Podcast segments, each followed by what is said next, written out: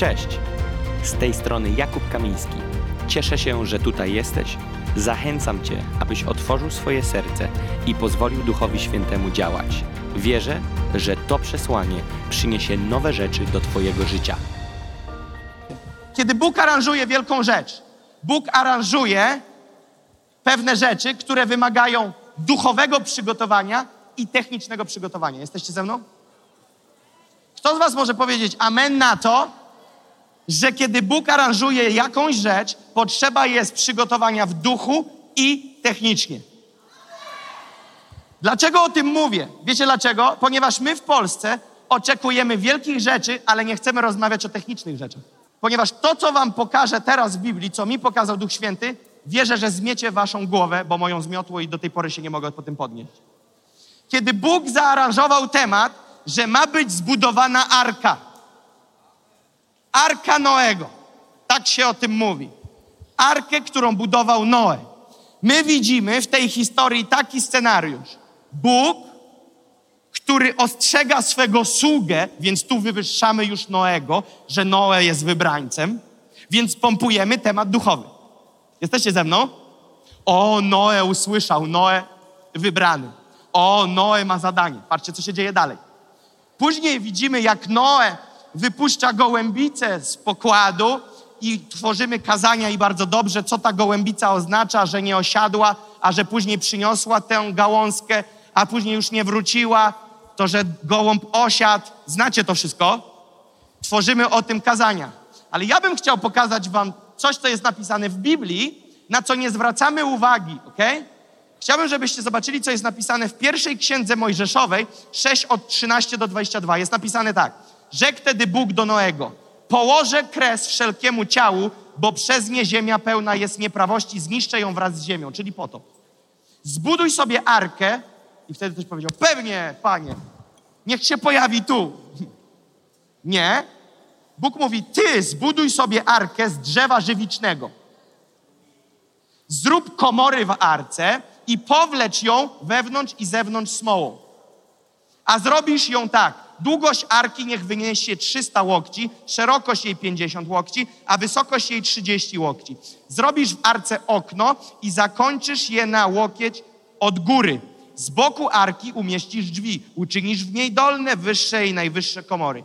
Bo oto ja sprowadzę potop na ziemię, aby zniszczyć pod niebem wszelkie ciało, w którym jest dech życia. Wszystko, co jest na ziemi, zginie. A z tobą ustanowię przymierze moje i wejdziesz do arki, ty i synowie twoi, i żona twoja, i żony synów twoich z tobą. Z wszelkich istot żyjących, z wszelkiego ciała wprowadzisz do arki po parze z każdego zwierzęcia, które zostały przy życiu. Niech to będzie samiec i samica z ptactwa według rodzajów jego i z bydła według rodzajów jego i z wszelkiego płazu ziemnego według rodzajów jego, po parze z każdego z nich wejdą do ciebie, aby zostały przy życiu. Ty zaś weź z sobą wszelką żywność, którą się jada i zgromadź u siebie, aby była na pokarm dla ciebie i dla nich. I uczynił Noe wszystko tak, jak mu rozkazał Bóg, tak uczynił. Teraz pomyśl sobie, że Noe to jest taki mówca na our time. I mówca głosi kazania o tym, że Bóg jest wszechmocny i tak dalej. I nagle na jednym, przed jedną sesją Bóg mówi do Noego, słuchaj, jest temat arki, teraz wszystkim mów o liczbach, o drewnie, o smole, o tym, jaki łokieć odmierzyć od góry, zrobić okno. I pewnie atmosfera byłaby taka, jak tu teraz. Nie, my nie po to tu przyszliśmy. I ktoś mógłby powiedzieć do Noego, ja nie przyszedłem tu słuchać o twoich łokciach, o tych drzwiach, sobie zadzwoń do majsterka i rób se drzwi, my tu chcemy słowa. Tylko widzisz, budowali tylko ci, którzy przeżyli. Czy usłyszałeś, co powiedziałem? Ci, którzy olali budowę. Ci, którzy nie uwierzyli, że trzeba budować. Ci, którzy powiedzieli, olać piłowanie drzewa, bo to nie było tak, że dzwonisz na telefon, przelew robisz i ci przywozili. Noe sobie budował, Noe sobie przygotowywał drewno, Noe wymierzał, Noe drzwi wstawiał. I my chcemy być Noe, wybrańcami, żeby ocalić ludzkość, ale nie chcemy posłuchać o metrach. Nie chcemy budować, bo my jesteśmy tak duchowi, że nam takie bzdety to nas nie interesują. Noe musiał jedzenie zgromadzać, zo zrobić na statku. Weź teraz wprowadź to wszystko. Weź teraz, to znaczy, że trzeba było porobić jakieś komory na te zwierzęta. No przecież nie wsadzisz jednego z drugim tam, gdzie się pożrą.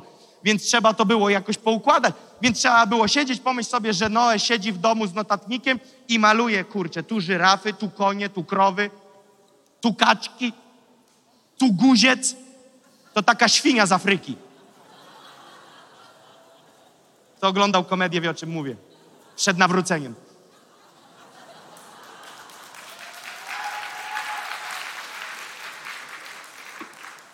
Więc do czego zmierzam? Jest robota. I Bóg mówi do niego, ty nazgromadzaj jedzenia, ty pościnaj te drzewo, ty nabuduj, ty smołą pomaluj. Kto chce tego słuchać? Myślisz, że to było łatwo i teraz pomyśl. Noe, preacher, kaznodzieja, z synem. No machaj. Stary, nie chce mi się już. Co ty wymyśliłeś za pomysł? Kurczę, my tu chcieliśmy posłuchać o Bogu, a ty nam drzewo każesz piłować. Piłuj te drzewo człowieku, bo potop idzie. Piłuj, bo jak nie napiłujemy, to nikogo nie będzie. Nie będzie This is our time w 2022, jak nie wypiłujemy. Bo nikogo nie będzie. Piłuj, stary. Ale druga historia to jest Józef. Co jest napisane o Józefie? Pierwsza księga Mojżeszowa 41 od 17 do 36. Wtedy rzekł faraon do Józefa: Śniło mi się, że stałem na brzegu Nilu, a z Nilu wyszło siedem krów tłustych i pięknych i pasło się na pastwisku, a potem wyszło za nimi siedem ich krów chudych i bardzo szpetnych, tak szpetnych nie widziałem w całej ziemi egipskiej. I pożarły krowy chude i szpetne siedem pierwszych krów tłustych, a dostały się do ich brzucha i wyglądały równie szpetnie jak przedtem. Wtedy obudziłem się. Potem widziałem we śnie, że z jednej łodygi wyrastało siedem kłosów pełnych i pięknych. I tutaj on opowiada swój sen, on mówi, ja nic nie rozumiem. I mówi do Józefa, opowiedziałem wróżbitom, lecz nikt nie mógł mi tego wyłożyć. Wtedy rzekł Józef do Faraona. Sny Faraona oznaczają jedno i to samo. Bóg oznajmia w nich Faraonowi, co zamierza uczynić. Siedem pięknych krów to siedem lat, a siedem kłosów pięknych to też siedem lat. Jest to bowiem jeden sen. Siedem krów chudych i szpetnych, które wyszły za tamtymi, to siedem lat, a siedem kłosów pustych i wysuszonych przez wiatr wschodni to siedem lat głodu. To miałem na myśli, gdy powiedziałem faraonowi, że Bóg oznajmił faraonowi, co zamierza uczynić. Nadejdzie teraz siedem lat wielkiej obfitości w całej ziemi egipskiej. A po nich nadejdzie siedem lat głodu i zapomną, że była wielka obfitość w ziemi egipskiej i głód wyniszczy ziemię. Tak, że nikt nie będzie pamiętał o obfitości w kraju z powodu tego głodu, który nastąpi, gdyż będzie on bardzo ciężki.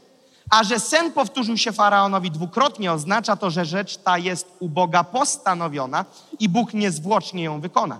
Niech więc faraon upatrzy teraz męża rozsądnego i mędrego i niech ustanowi go zarządcą całej ziemi egipskiej. Niech faraon działa i niech ustanowi namiestników na krajem i zbiera piątą część urodzajów w ziemi egipskiej przez siedem lat obfitości. Niech nagromadzą wszelkiej żywności podczas tych dobrych lat, które nadejdą. Niech zgromadzą zboże z polecenia faraona, niech składają po miastach żywność i przechowują ją.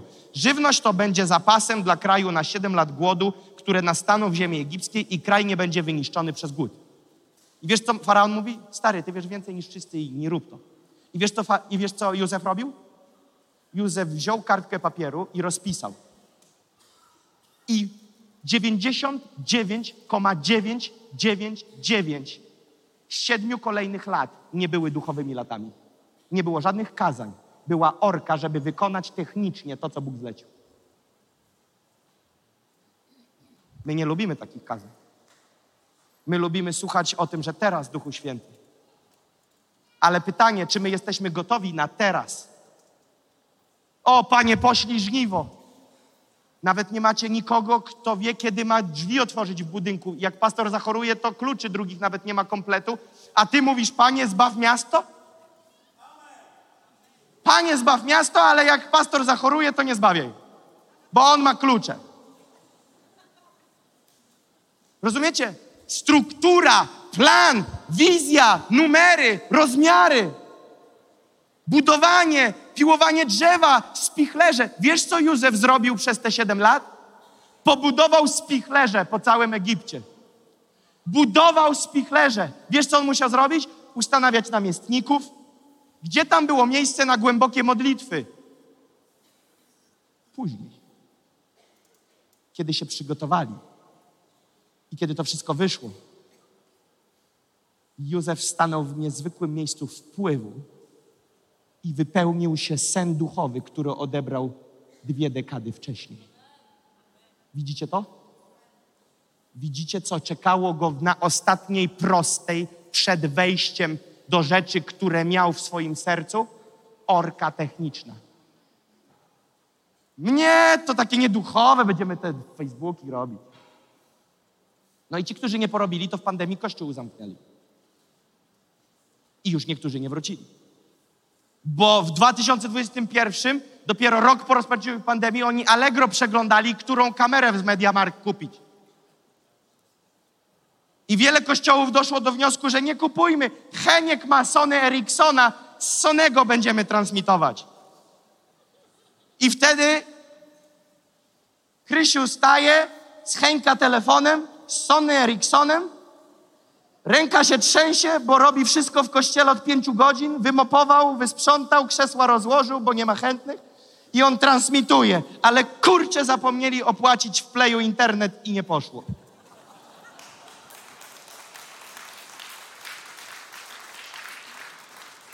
Ten stream jakoś tak dziwnie brzmi. W tej Warszawie to chyba szybszy internet mają, bo lepiej brzmi. Bóg honoruje pracę naszych rąk. I nie możemy wprowadzać fałszywej duchowości, przez którą tak naprawdę zakrywamy naszą bezradność i zwei linke Hände, czyli dwie lewe ręce.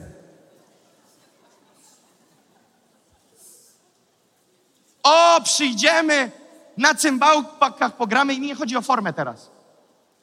Tylko wszystko ledwo się kolibie i później dziwimy się, że młodych w kościele nie ma. Bo on większą jakość widzi w świetlicy w szkole niż w kościele, w którym mówisz, że to świątynia Pana. Tylko zapomnieli złota dowieść. Pomijamy rzeczy, których Biblia nie pomija. Ale jak było z Salomonem? Salomon budował świątynię. Salomon zabiera się za budowę i mówi: Come on, to nie ty, ojczulek, zostałeś wybrany, czyli Dawid, to ja wybuduję świątynię. Ale prawda jest taka, że to już Dawid się zbierał do wybudowania świątyni, a Bóg mówi: Nie, nie, nie, Dawid, ty nie wybudujesz świątyni, twój syn wybuduje świątynię, a syn, uwaga teraz, posłuchajcie tego. Posłuchajcie tego. Bóg mówi do Dawida tak: ty nie wybudujesz, ale Salomon skorzysta z Twoich połączeń i znajomości, które zawarłeś za życia. Więc co się to dzieje? Dawidek jadł z kimś McDonalda, jadł tego burgera, umawiał się na obiady, zawiązywał relacje, powiązał ludzi. Powiązał, wiecie kogo? Bardzo dużego dostawcę drzewa. Dostawcę drzewa największego w tamtym regionie. I kiedy Dawid odszedł z tronu, Salomon przejął pałeczkę, odezwał się do niego i mówi do niego tak. On, Salomon go nie znał, ale Dawid go znał. I Salomon mówi do gościa, którego nie zna i mówi tak. Dobrze wiesz, kim jest mój ojciec. I dobrze wiesz, że to nie jego wybrał Bóg na budowę świątyni, a mnie, aby zbudować dom dla Pana. Wyślij mi drzewo, a on mówi, słuchaj, jesteś taki fajny gość i Bóg będzie z tobą, wyślę ci nie tylko drzewo, ale załatwię ci kilka innych surowców. Następnie Salomon załatwia gościa, największego eksperta od brązu.